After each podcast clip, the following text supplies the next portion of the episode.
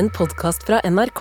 Hør alle episodene kun i appen NRK Radio. Thomas Thies Evensen er arkitekt og arkitekturprofessor ved Arkitekthøgskolen i Oslo og Universitetet i Lund. Han er kjent som en tydelig stemme i norsk arkitekturdebatt og har vært mye brukt som rådgiver for større utbyggingsprosjekter, som opprustningen av Oslo sentrum, OL på Lillehammer og ombyggingen av Slottet.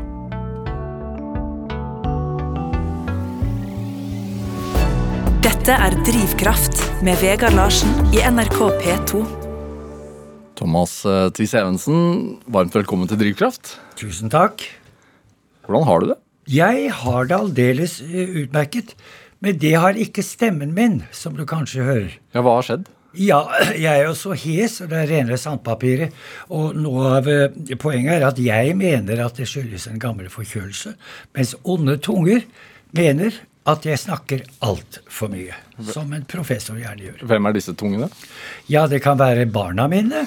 Det kan være min kone som sier 'Thomas, nå foreleser vi ikke'. F.eks. ved middagsbordet.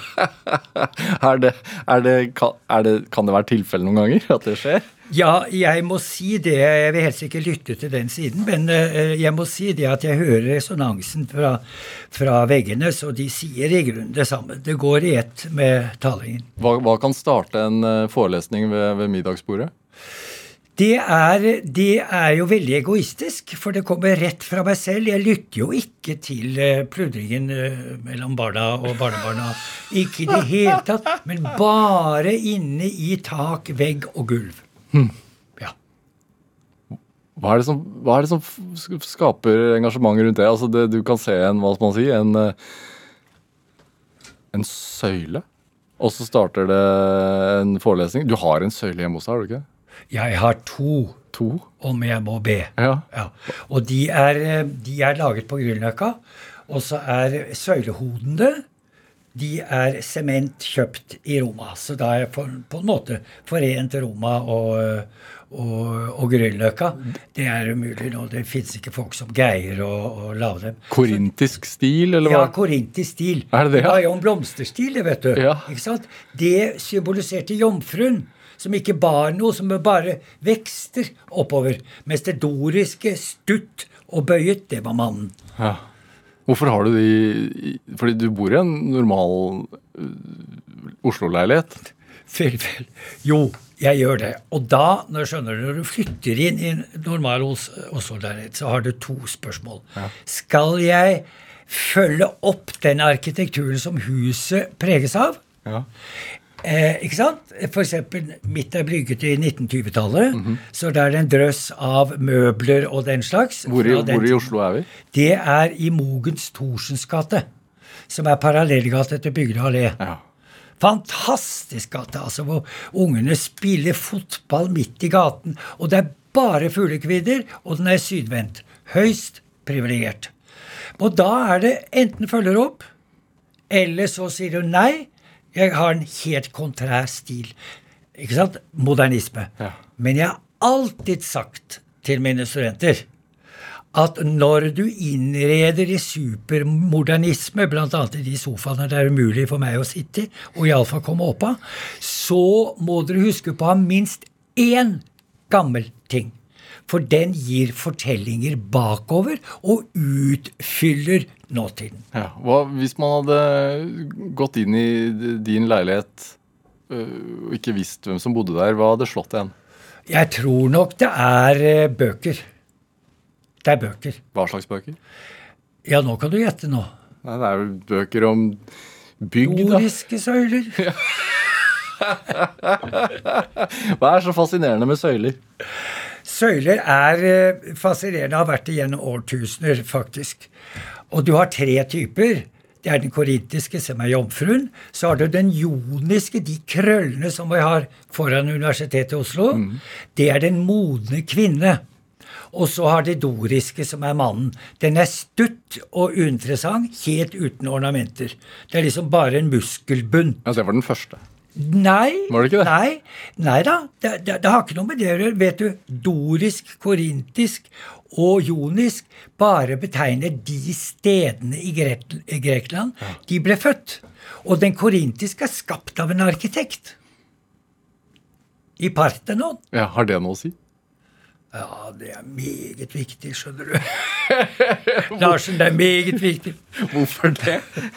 Nei da, det Hvorfor han har laget det, det var eh, for å gi større uttrykksfylde til selve hovedfunksjonen, bæringen. Ikke sant? Det er jo, det er jo beskrivelse av tyngdekraften. Og når det er veldig tungt, eh, og det skal være sterke murer, da er det det doriske. Det ioniske er en slags mellomting, og det korintiske det er på toppen. Det er det florianter, det frigjorte, triumfsøylene. Så det er for å gi ulike fortellinger om det å bære en vegg. Hva, hva? Men hvorfor liker du søyler? Det er, det er jo vanlig nå å kle de bort. Ja, men nå må du huske på at en søyle, den er som oss, den erfaringen vi har, når vi står opp om morgenen. Fra å ligge til å reise oss og stå Ja. er en seier. Fordi det er å overvinne tyngdekraften. Og det er det søylen er et uttrykk for. Det er uttrykk for ulike mennesketyper. Og det er derfor den er så mye brukt. Vi kjenner tyngdekraften. Og vi kjenner da hva søylen gjør ut ifra eh, eh, sin utforming.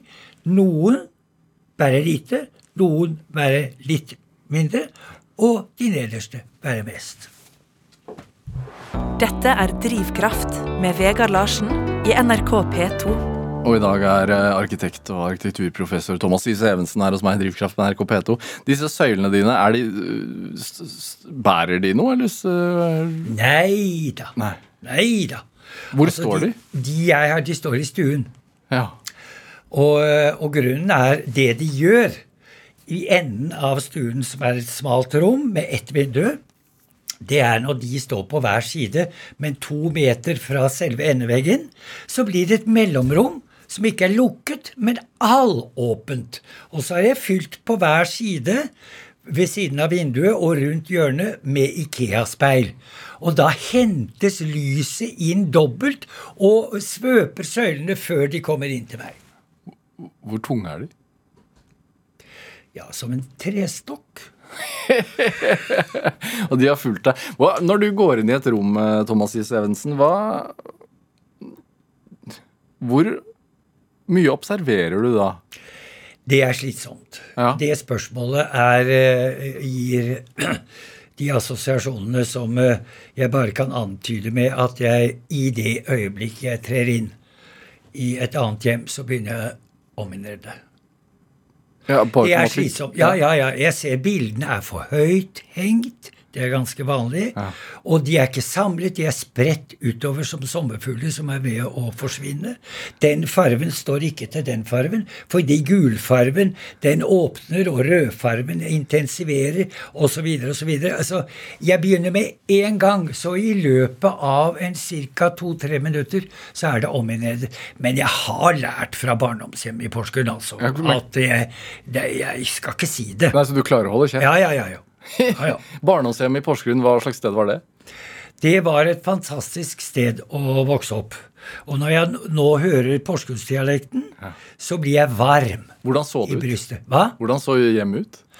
Det var et sånn eh, hjem med, med litt arvede møbler, og den tiden så var det jo heldekkede tepper.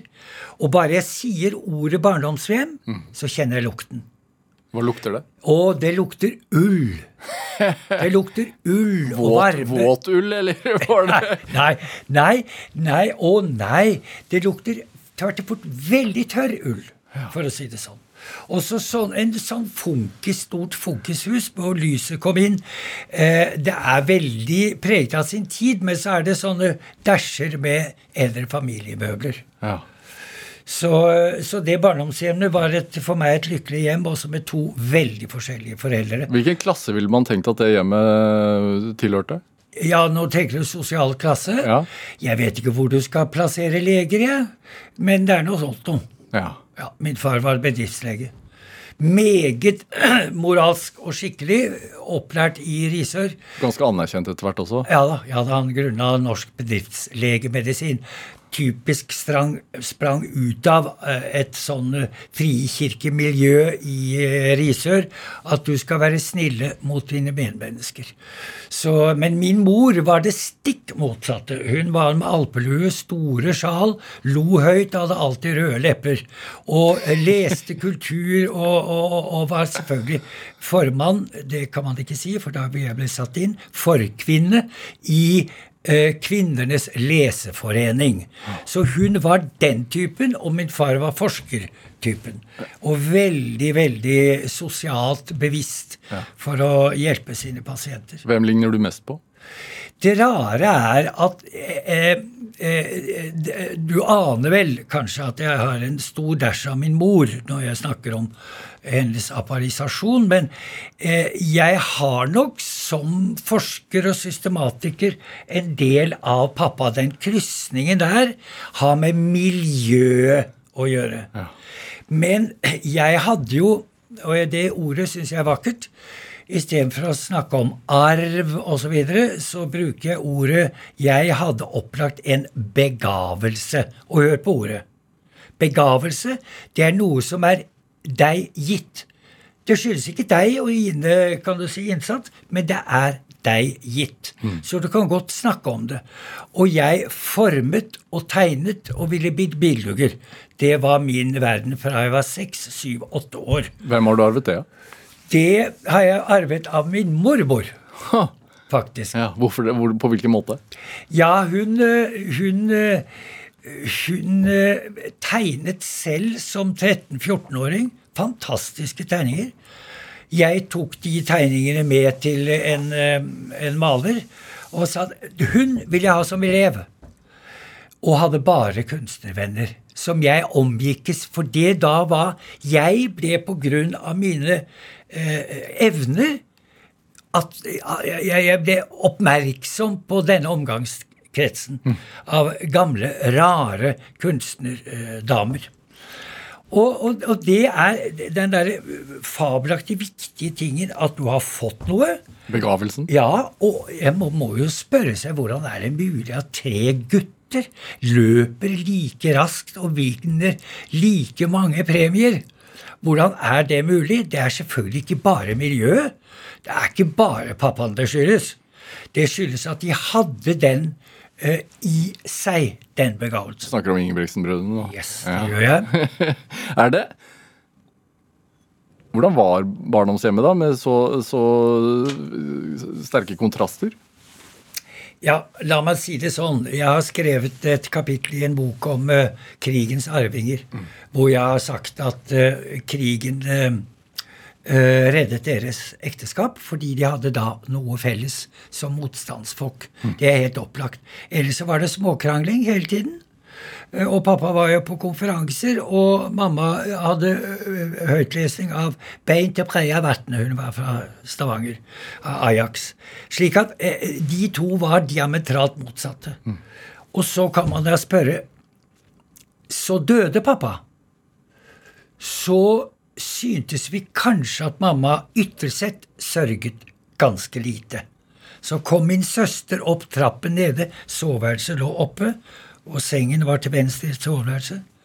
Og der hører hun mamma sitte på sengen etter at pappa er død, og si Eivind, Eivind, Eivind, Eivind. Da listet min søster seg ned. Hun ville som kvinnesakskvinne og agnostiker ikke vise svakhet og følgeriktighet i forhold til en mann. Helt til sist. Men så ble hun avslørt. Derfor 60 års ekteskap. Hmm. Ja. Er, hvilke forhold har du til svakhet? Eh, jeg føler en slags eh, eh, omsorgsbehov. Hva vil det si? Det er det samme som jeg fikk i sjeldne, men viktige situasjoner. Jeg husker jeg som lite barn løp som en gal for jeg skulle så tisse, og kom altså hjem, og det gikk ikke. Og min mor, som var veldig strukturert på alle mulige måter, og opptatt av det og det og det, knelte ned og sa 'Det gjør ingenting, vennen min'. Det gjør ingenting. Og sånne enkeltreplikker når du har resepsjonsapparatet fra, fra før, kan være helt avgjørende for uh, hva du blir og hva du er. Altså denne arv og miljø, begavelse og eh, kan du si oppbacking. Du må ha noen som ser deg, hører deg og møter deg for å ta tak i deg videre. Billedhuggerdrømmen din. Hva skjedde med den? Den er intakt, men i en annen dimensjon. Hva vil det si? Det er at jeg alltid har vært formgiver. Hvis du setter et maleri, en skulptur, en arkitektur ved siden av hverandre, handler alle grunnleggende sett om å formgi. Der ligger begrav... Nei, det ikke begravelsen, men der ligger altså begavelsen. Du kan ha så mange prinsipper du vil innenfor f.eks. arkitektur. Funksjonen er løst, teknologien går opp, økonomien går opp, sånn som i disse her blokkene. Det kan jeg komme inn på. Men ålreit, alt går opp. Men så blir det overlatt til en ubegavet arkitekt. Og til en begavet arkitekt så er det som natt og dag. Det er der mesteren skjuler seg innenfor mitt fag. Og vi er de eneste som tar vare på å lage syntesen mellom økonomi og teknologi og det som har med funksjonen å gjøre, de rasjonelle faktorene, og lage en opplevelsesdimensjon ut av arkitektur. Men hva skjer da i et, et bymiljø hvor det er mange arkitekter som eh, påvirker, og hvor, eh, hvor planen stadig er i utvikling og, og årene går? Ja, men det er bare det at du må ha visjonære byplansjefer. For det er de Ja, hvor mange har vi? Vi kan begynne å telle. Jeg har bare én hånd. Men altså visjonære byplansjefer som legger langtidsplaner ut ifra noen enkle arkitektoniske prinsipper. For eksempel, hva er forskjellen på en rett gate, Karl Johan, for eksempel, og en krummet, smal gate, gå til en italiensk landsby? Hva er forskjellen? Begge to har ett, én funksjon. Og det er at de er gater, og en gate skal lede deg fremover til et mål. Ellers er det ingen gate. Så på Karl Johan så er det fra sentralbanestasjonen til Slottet. Nettopp. Ja.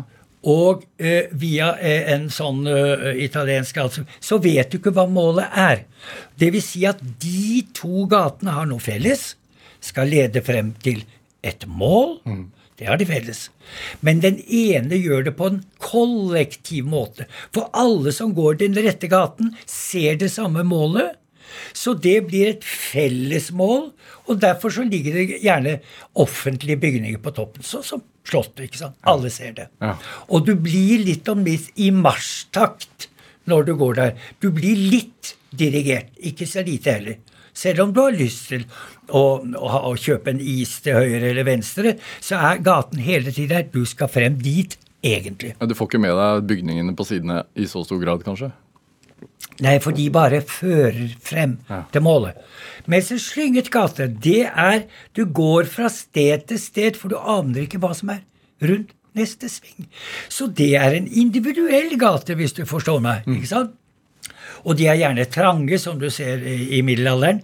Og hvorfor de av den og den dimensjonen er brukte, er, skyldes at to esler med bør skal kunne passere. Altså helt uinteressante funksjonelle krav fra vår tid. Men folk strømmer til for å oppleve intimiteten i den slyngede gate, hvor overraskelsen er der hele tiden, og hvor du må dunke borti folk og si 'unnskyld', 'nei, hva heter de', 'nei, så hyggelig'. Ikke sant? Du får en helt annen individuell eh, kan du si, inntrykk enn den rette gaten. Hvilken Ja, unnskyld. Dette må en som planlegger en by, vite. Det er to verktøy som vedkommende må kjenne til. Og så hvordan gjøres dette? Det kan gjøres dårlig, og det kan gjøres godt. Det er avhengig av formingsevne. Ja, og visjonen av langtidsvisjonen. Ja. Hvilken norsk by har løst dette best? Jeg eh, har litt vanskeligheter med å si det, men en pionerby var Risør, skjønner du. Fordi der kom det i 1970-tallet, ned hovedgaten til havnen, havnen, så kom det en, en, eh, en kasse med ruter. og blå eh, felt mellom rutene. Punktum. Finale. Du kjenner typen. Jeg bør ikke utdype den. Da fikk I 70-tallet, 60-70-tallet. Da fikk eh, Risøborgerne sjokk. Lot den stå, men ga forbud mot all arkitektur av tilsvarende art. Alt som skulle lages, skulle underlegges den eksisterende helheten i ampirbyen fra 1700-1800-tallet. Da til og med øya der ute er nå laget som en liten landsby, mens det startet med sånne, ja, du vet disse herre blokkene og kareene, jeg behøver ikke uteske mer, som alle kommer ned på stiletthæler, ikke sant? Det er det de gjør. Og så er de ruter eller horisontale, og alt er hvitt og grått og så høyt som overhodet mulig, og du finner ikke inngangen. Det er bare glassruter. Kommunikasjonen mellom ute og inne. Er, den svære bygningen er ikke dekomponert og bygget ned. Altså, eh, nå må du stoppe meg, men mitt mitt poeng er altså den type arkitektur. Ja. Som er uh, gjenoppbyggingsarkitekturen etter krigen, særlig fra, og høyst betimelig. Fort, billig osv. Men når da arkitekter sier at vi må være moderne og setter opp en blokk, så må jeg spørre, altså. Moderne.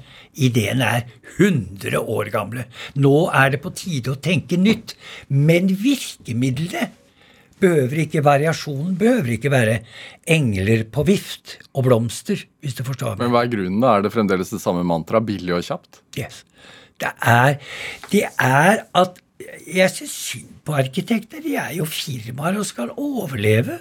Og så skal det da bebygges et soveby på Ørsta, la oss si det sånn. Da kommer utbyggerne. Sant? Med blokkene sine. Med en gang. Soveby, hva er det? Ja, det er akkurat det jeg sier. Ja, og det er altså, En by hvor man kun sover? Ja, nettopp. Ingen opplevelse. Så, eh, så kommer de med det, og så blir politikerne deres marionetter fordi det er billig. Politikerne, skjønner du, som er oss, du og jeg, Larsen, som går mellom veggene i en gate, sitter på en plass, er inntil en fasade eller går på et fortau, er byrommets brukere og egentlige de som skal stille kravene. Vi har valgt politikerne som representerer oss. Men de er blitt underlagt mer og mer underlegges til, Nå begynner å sprekke litt, merker jeg. Det er utbyggerne som kun tenker effektivitet og økonomi. Unnskyld at jeg sier det, men det er kun det der. Ålreit. Så kommer de Politikerne burde ha ett A4-ark. Der burde det stå, det er det som er min nye misjonsoppgave, der burde det være ni tegninger ja. av grunnleggende arketyper for en menneskelig by. Hva var det? Det er Den rette gaten er én, og da vet du hva den uttrykker emosjonelt. Den slyngede gaten, det er én. Da vet du hvordan den uttrykker seg eh, eh, eh, emosjonelt. Hvordan, hvordan, vi oppfatter dens grunnbruk. Så er det fasaden. Hvis du ser den moderne fasade, så flyter den ikke sant? Mm. Men det er jo ikke avbilding av tyngdekraften som vi strever med hver eneste morgen. Nei, tyngdekraften er, viser seg i en fasade som du ser gjennom 2000-3000 år. Det er tyngst nederst, og så blir det lettere og lettere oppover. For det er jo mindre og mindre å bære. Og det er det blitt arkitektur av, som kan lages med moderne virkemidler. Jeg sier ikke man skal kopiere i dette arkitekturopprøret at man skal kopiere engler og blomster og piruettårn. Gotisk, krointisk. Nei.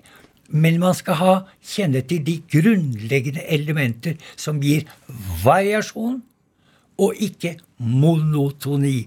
Og det er de etterfølgende små skissene. Så kommer altså da utbyggeren. Da skal han, eh, han politikeren eller to-tre stykker, sitte der og si vær så god. Eh, de skal ikke ha begynt først, for da får du taket på dem. Sånn.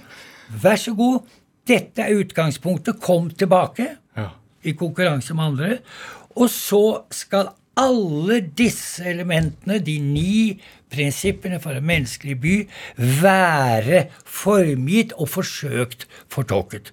Enten blir det dårlig eller godt, men poenget mitt er dette er et utgangspunkt som har muligheter til å bli, gi en uh, menneskelig by. Ja. Og det jeg fant ut Jeg kan ikke ha ti bud. Det syns jeg var veldig pretensiøst. Thomas Is Evensen, vi skal spille litt musikk. Når du trekker inn de ti bud, altså det er ikke det, men vi skal spille Bach. Det er, er ikke det ganske nært det guddommelige, da? Det sies vel det? Ja. ja. Hvorfor skal vi spille Toccata og fuge?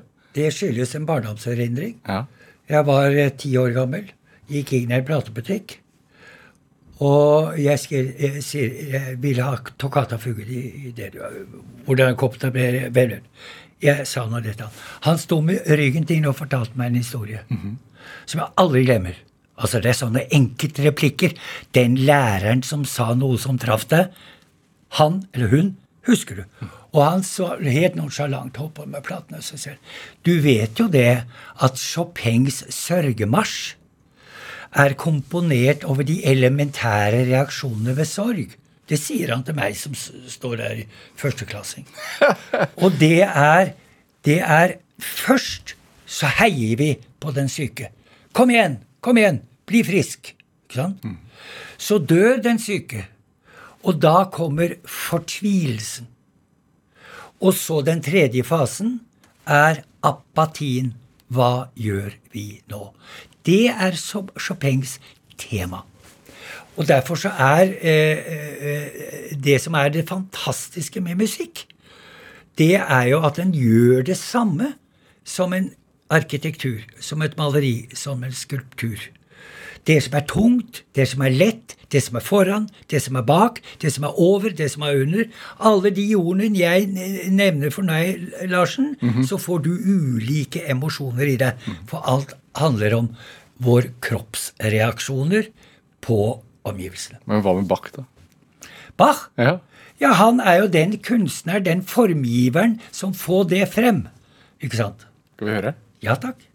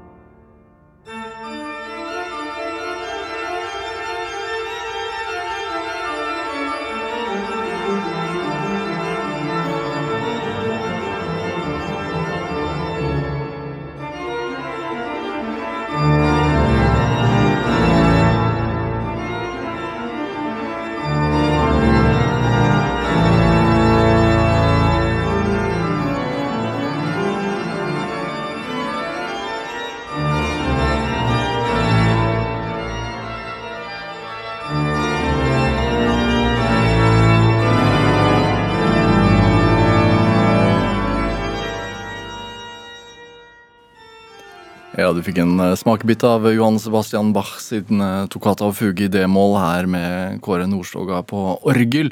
Eh, her i Drivkraft på NRK P2 valgte dagens gjest her i Drivkraft, nemlig arkitekturprofessor Thomas Thies Evensen. Hvilke bygg så du for deg nå? Nå så jeg for meg en høybarokk bygning. Og Hva, hva er det, for Ja, som ikke hva er det? det? Det, det? det finner vi i Roma. Ja. Eh, eh, svære barokke bygninger som eh, bombarderer følelsene dine. Hvor glad er du i Roma? Åh, for et spørsmål. Hvor mange timer hadde jeg, sa de? Nei, altså La meg si det sånn Hvis du Bare det der med, med barokken, så er det at det er ikke én et element i et sånt interiør, også fasaden, som ikke er i fysisk eh, bevegelse. Og det er emosjonene som er forsøkt uttrykt. I renessansen så sto det intellektuelt opp og ned i, på en kirkefasade, f.eks. Det er ikke så veldig folkelig appellerende, må jeg si. Så kommer barokken, motreformasjonen. Luther skal fange folk tilbake. Og da må man appellere til det som er felles for alle. Det er få som har godt godhode, men alle har følelser. Så for å få dem hanket tilbake til Romerkirken, Romerkirken, så ble barokken skapt. Uten Luther ingen barokk. Og der er det at helgenene står og flakser. Det, det, det, det flyter store kapper rundt dem. De ser oppover i ekstase, og de peker i alle bauger og rantinger. Eh, Og de står i nisjer som bølger. Altså, barokken er eh, ek ekstremt emosjonskissende. Og så skal man si ja, det blir jo rene kaoset. Og så kommer altså Bach, som er strukturalist, og lager kontrapunkt tre melodier, som hver av dem kan skilles ut og spilles selvstendig.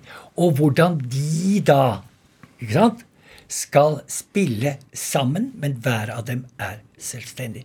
Det er det motsatte av kaos. Det er bare variasjon. Det er jo interessant med Roma, fordi hver gang eh, jeg er der, så føler jeg at jeg går meg vill, og så brått så er jeg ved Pantheon. Ja. Jeg var litt sen der, fordi jeg har ikke retningssans. Nei. Altså, ingen By. Nei. retningssans. Nei. Hva, hvilke, hvilke utfordringer skaper det er jo bare å se det? på solen og si herregud, det er jo skydekk. Hold opp! Altså, jeg har ingen Det er et handikap. Jeg har stått ved Korson, hvis det sier deg noe, altså Karl Johan i Roma, med 60 studenter bak meg. Og skal til Pantheon, som har vært 160 ganger. Og så står jeg og tenker eh, Var det til høyre, eller var det rundt til venstre? Så går jeg selvfølgelig Eller gikk jeg feil?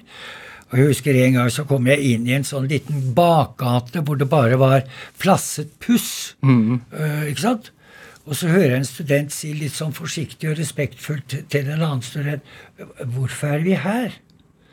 Og da skjøt jeg på med en spontanforelesning om romersk murverk. Når jeg var ferdig med den forelesningen, tenkte jeg dette må du holde opp med, Thomas. Du må vise svakheten. Og det skulle jeg gjort for mange år siden. For den stoltheten med de som har klokke i huet og vet hvor alt ligger, den eh, var fantastisk å oppleve med flagg, liksom. Så gikk jeg etterpå. Eh, Tis Evensen, denne lidenskapen som jo sitter gjennom alt for, for arkitektur, og for form og for uh, plasser som er gode for mennesker, er det Er den blitt til underveis? Altså arkitekturfagen, hva, hva, hva, skyldes den?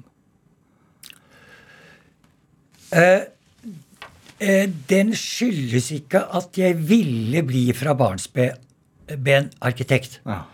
Jeg ville altså bli billedhugger og maler og holdt på med det. Men så var det da velmenende eldre som sa det at for at han skal få noe til å falle tilbake på, så bør han bli arkitekt. Og i den prosessen så fikk jeg møte Odd Brochmann. Hvem er han? Det var en, eh, en viktig kommentator i 50-, 60-, 70-årene og skrev en bok uh, som heter Stygt og pent. Altså veldig viktig kulturpersonlighet. Smaksdommer, for å si det sånn. Og da sendte mine foreldre meg opp der for at jeg skulle snakke litt om dette.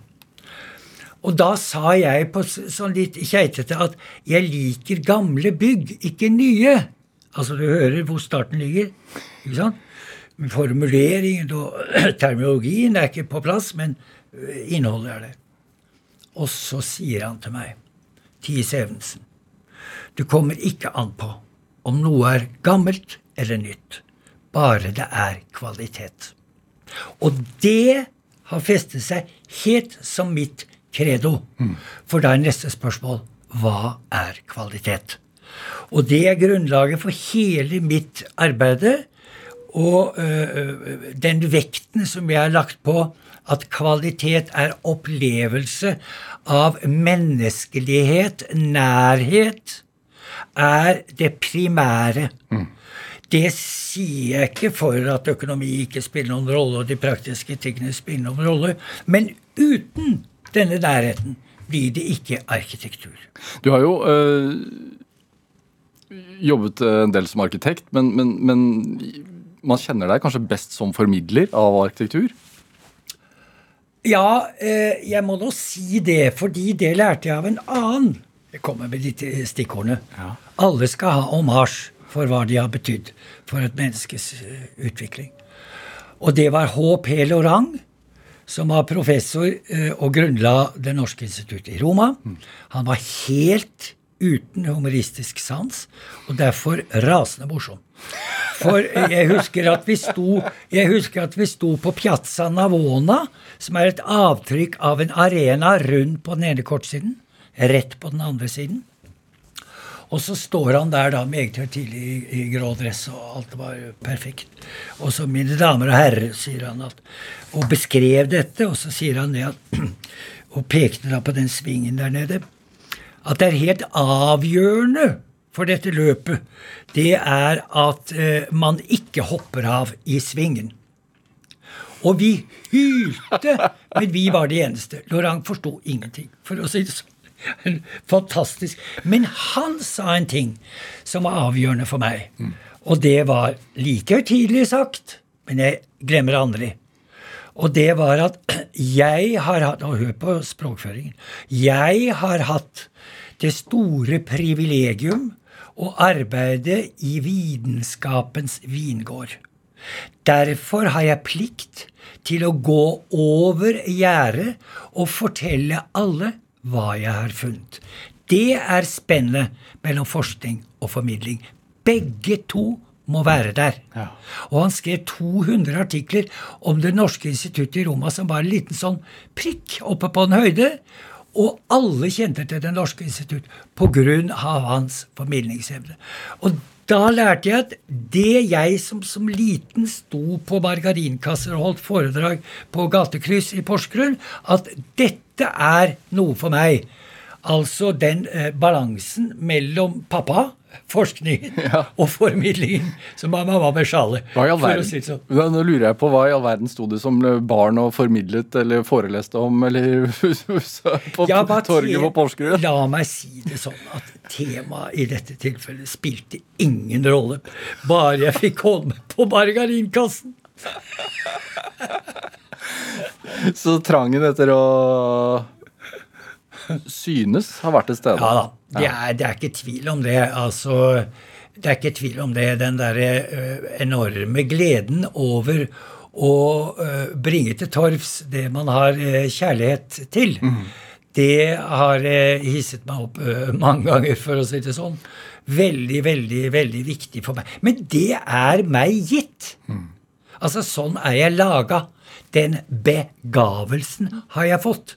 Hadde jeg ikke møtt de foreldrene og møtt den livsveien og de replikkene til disse utmerkende lærerne Vi vet jo hva det kan bety for oss mm. med en god lærer som sier akkurat noe. Uten det så uh, Altså det som har med miljøet i videste forstand. Uten det så uh, hadde nok uh, resultatet blitt annerledes. Det er vekselvirkningen som er det vesentlige. Ja. Men er det den altså det du har formidlet med, som du har hatt kjærlighet til, har det, øh, hvordan har det resonnert med arkitektmiljøet? Nei, det har jo vært uh, mye kamp. Ja. Det har jo det. På, på hvilken måte? Jo, du kan jo tenke deg en som sier til Brochmann at jeg er glad i gamle bygninger, ikke nye. Har startet litt skjevt, for å si det sånn.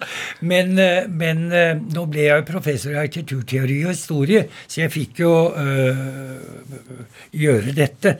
Og det er veldig viktig å understreke for meg, så er det at øh, jeg er historiker og blir like begeistret for gotikk, barokk og modernisme og Corbusier like fordelt når det er, for å si det med Brochmann, kvalitet. Altså du liker Corbusier? Ja, ja, ja, ja, ja gæren. Det er epigonene jeg ikke liker. Altså de som følger etter Corbusier uten begavelse. De har det bare hvitt og grått, mens Corbusier brukte jo hatt farver. Nei, nå må de holde opp. Hva syns du om Bjørvika? Du, Bjørvika eh, Kan vi snakke om noe annet? Men dette arkitekt, uh, arkitekturoppgjøret, opp, opprøret, ja. som, som, har uh, blitt skrevet om i avisspalten og sånn de senere årene, ja. hvor en gruppe folk står på barrikadene for å bringe det gamle tilbake. Ja. hva tenker du om det, da? Min jobb som fagmann er å alminneliggjøre deres opprør til ikke å være et valg mellom engler på fasaden og blomster, og ikke disse, altså ornamentene. Mm. Poenget er å gå til historien og finne hva er gjentatt, gjentatt, gjentatt, gjentatt, gjentatt av grunnleggende prinsipper. Jeg kom tilbake til de nye prinsippene. Men hele mitt doktorarbeid er jo basert på det samme. Jeg har katalogisert alle takformer, alle gulvformer, alle gateformer. Det var en student som sarkastisk sa ja, men Thomas, du har jo, du har jo glemt vindeltrappen. Ja, ja. Det var nå det. Det oppdaget ikke opponenten, for å si det sånn. Men den katalogiseringen av grunnformer som går igjen og igjen og igjen, f.eks. når det gjelder tak, flatt flattak, sadeltak, skråtak, kuppel Det finnes ikke andre enn syv-åtte av dem. Og da er neste spørsmål hvordan reagerer vi på dem? Hva er det vi legger i dem? Kan det komme ett eksempel på en trapp? Gjerne. Ja. En trapp. En trapp, ja. ja. Så går du forbi den trappen. Glad og grei. Og den trappen sier til deg, har psykologene bevist, øyeblikket på en milliontedels sekund, den sier til deg, som et tilbud til deg å erobre omgivelsene, gå opp på meg. Det er det den sier med en gang. Men så kommer korreksjonen, som er våre erfaringer, sosiale og private erfaringer. For eksempel, noen kan synes at gult er en stygg farve fordi de hadde et barneværelse som var gult, og det hadde ikke en lykkelig oppvekst. Mm. Ikke sant? Men du kan ikke bygge en uh, arkitekturteori på det. Du må spørre hva er essensen av det gule i forhold til det røde. Det røde er i seg selv Det er revolusjonært. Det, det, det, eksploderer ikke i det øyeblikk du ser den, men det er like før. Det er den potensielle revolusjonære tingen. ting. Og gulfarge, blåfarge osv. Men tilbake til trappen. Ja. Hvis det kommer da en sånn idrettsfyr eller dame ja så vil han se det som en utfordring. Løpe opp og bli svett på, på, på avvenning av steilheten. Dess mer steil, dess bedre utfordring.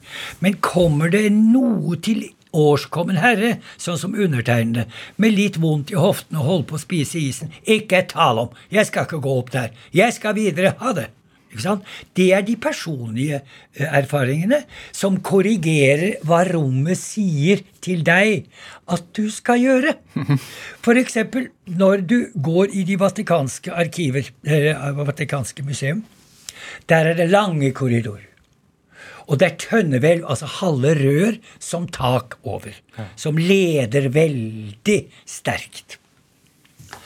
Da er det mange som er glad etter at de halvannen time har gått og sett 1000 engler i alle varianter, det er glad for at de blir ledet fort ut. For å si det sånn. Og Pantheon Du kan gå inn i Pantheon, og jeg observerte under forskningen min, så eh, var jeg der klokken åtte og skulle se hva er det folk gjør når de kommer inn døren. Pantheon er jo en trill rund rotunde, og så en halvkuppel over med lys i taket. Åpning i taket, ja. Nettopp. Det er himmelen, og det er jorden. Og jorden er krum, for det er den gjerne, osv. Men så kommer vedkommende inn. Det første han eller hun gjør, er å stoppe. Ikke gå gjennom rommet sånn, sånn helt til enden av rommet, men det er å stoppe, se opp, se rundt, og du begynner å gå, stoppe på midten. Det er et gi deg ordrerom om hva du skal gjøre. Og når du gjør det, for det tilbyr deg dette som rundt rom, så er det etterpå at meningen med dette blir utfyller opplevelsen. For det er himmelig, Ja, det er riktig, det. Himmelen er et tak, en kuppel, og full av stjerner. Og med solen og strålende ned. Og gulvet, som sagt, er med, med, med en krumning, for den kommer da opp. Og så i rotundeveggene så er det fire store nisjer. Det er øst, vest, nord, syd. Bør ikke si noe mer. Nei. Ja. Det er fortellingen Ja. Som er ekstremt viktig. Ikke å forvirre det, men appellen er kroppen. Det er kroppen som eh, reagerer. Hvordan er det å reise på ferie med deg, Tis Evensen? Slitsomt, tror jeg. Nei da, jeg skal ikke overdrive. Altså eh, Jeg er jo veldig glad i god mat, og jeg har jo i, da jeg var 22 år, kjøpt en, eh, et lite hus på en øy som heter Isla de Giglio i Italia. Husker du den eh, øya eh, hvor det lå på skrå et cruiseskip? Dessverre døde 34 mennesker druknet inntil en øy. Ja. Det var, den ble berømt, ikke sant? Der eh, på toppen av den eh, eh, høyden der, så ligger en middelalderlandsby. Og eh, ikke som Capri, som er turistifisert, men den har bevart alt pga. at det opprinnelig var et, et leprahospital der og et fengsel. Så det passet ikke. Men ålreit, det, det, det, det er sånn Og når du har fire gutter så blir øh, den dimensjonen øh, så sterk at jeg må nok si at jeg har et øh, veldig nært forhold til øh, mine barn. Og jeg er skilt, og uansett hva man sier, det er en sorg. For det var ikke det vi ville. Jeg har to praktfulle damer for å si det sånn. Men eh, å si at dette er pytten, pytten, pytten, det er en løgn. Det er å undertrykke det som er det elementære. Det var ikke det vi ville. Hvordan former liv og egne opplevelser, i arkitektur og hvordan man sanser bygg? Ja, det er dette med det personlige og det sosiale som kommer etterpå. Men arkitekturen er en selvstendig impact. Arkitekturen er et lavt tak er et lavt tak. Og hva gjør et lavt tak? Jo, hva er det vi gjør når vi går ut av parkeringshuset? Eller kommer ut av bilen i parkeringshuset? Det er fortest mulig å komme ut. For det er ikke laget for luft og for noe annet enn å være så flatt som mulig, for det er jo bare bilene som skal inn der. Men det høyloftede Hvorfor er disse katedralene eller store foredragssaler så høyt under taket? Jo, det skal oppmagasinere luft, og vi vet alt dette der. Men det gir et inntrykk du, Det er faktisk 24 kvadratmeter man har funnet ut at ett menneske trenger hele livet. 24. Jeg pleier å kalle det resten er jåleri. Altså, selvfølgelig. ja, Hvor stor, barn hvor stor er leiligheten din? Tis Ja, det, ja, den er 120 kvadratmeter. Ja. Men jeg har jo fire gutter, altså. Men i, i forhold til, til det, altså kan øh, arkitektur forsterke øh, følelser? Ja. Har du opplevd det? Ja, det er eh, som sagt Når jeg kommer inn i fremmede hjem, så, så har jeg jo en sterk drift til å ominnrede. Men eh, jeg må si at eh, når jeg har eh, en arkitektur som eh, fenger meg, og som du har forstått er nesten hele arkitekturhistorien Når den har disse elementære kvalitetene, eh, så eh, så fenger den meg med en gang fordi den forteller om noe som er meningsfylt. Og for meg er det meningsfylte å stadig oppdage og oppdage at arkitektur har å gjøre med det å leve på jorden, mellom jord og himmel. Altså så eksistensielt har arkitekturen eh, eh, gir den alle disse, eh, dette inntrykket. Altså, vi blir født i rom, og vi blir båret ut av rom. Ja, hvor, hvor viktig er arkitektur i forhold til de avgjørende øyeblikkene i livet? Jeg tror eh, at det er som signaler du kan få. Jeg må jo fortelle at jeg mistet min yngste sønn i en ulykke. Og der øh, og, Altså selve sorgen jeg skrev om den, øh, kan beskrives som schizofreni. Altså at du er helt spaltet, du har ikke helt personlighet. For du er altså dypt nede i et svart hull som er å bare høre på ordet bunnløs. Dvs. Si det går bare lenger, lenger og lenger nedover. Og så har du på den annen side en ekstrem klarsyn. Du søker etter symboler og elementer som er som eh, redningsbøyer. Jeg husker jo vinddragene, jeg husker solen, jeg husker folk som gikk rundt. Så det ene innestengt, isolert fra det fullstendig åpne. Og hvorfor er det åpne? Jo, fordi jeg søker hjelp i omgivelsene. Tidligere så stoppet de klokkene, eh, tok ned gardinene for å si 'kom og hjelp meg'.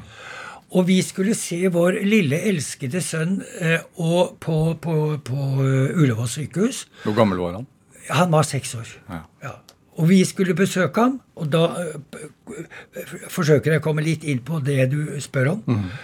Eh, Så gikk vi ned en rampe, så bred at to biler kunne passere hverandre, med neonlys.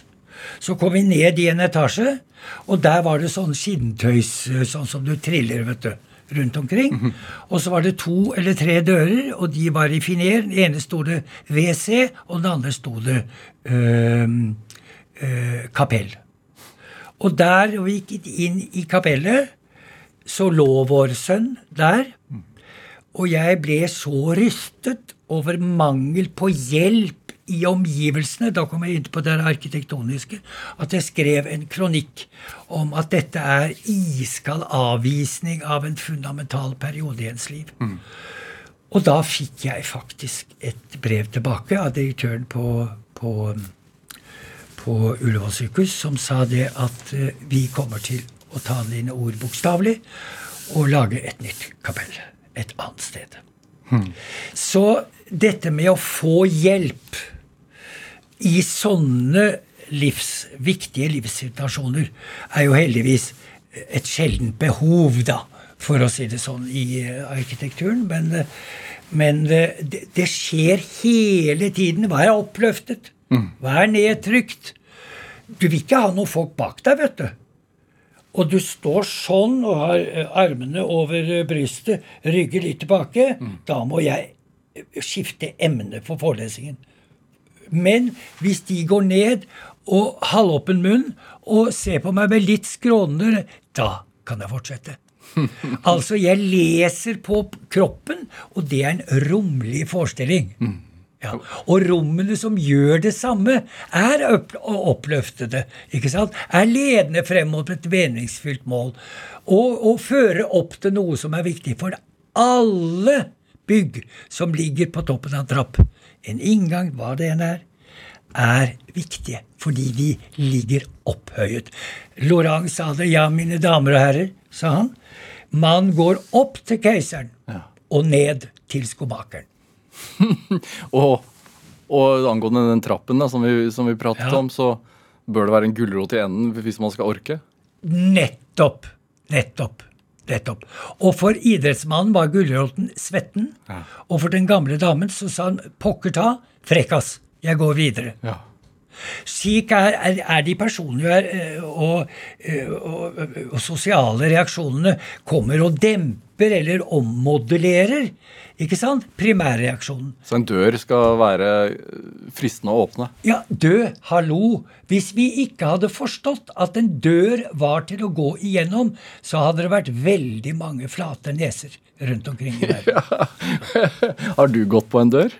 ja, på, ja, det ble en smell, for å si det sånn. ja, har du det? Nei, jeg har ikke det, altså. For du skjønner, du kan ikke gå inn av et vindu. Det er noe helt annet. Da er du tyvet. Hva syns du om skyvedører?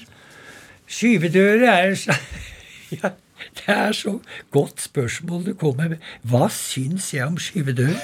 Jeg er faktisk redd for ikke å bli skjøvet sammen med døra inn i inn i veggen. Thomas Dies Evensen, hva tenker du er din eh, drivkraft her i livet?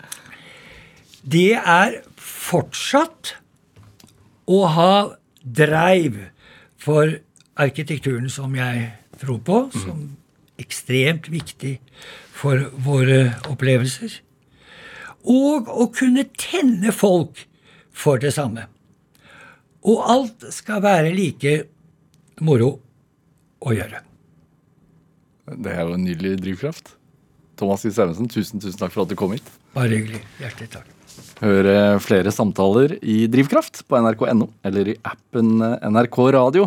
Send oss ris og ros, og også tips til mennesker som du mener har drivkraft. Send en e-posten til drivkraft.krøllalfa.nrk.no. Vi hører veldig gjerne fra deg. Produsent i dag det var Kjartan Aarsand, mens Anne Hoff gjorde research til denne sendingen. Jeg heter Vega Larsen. Vi høres.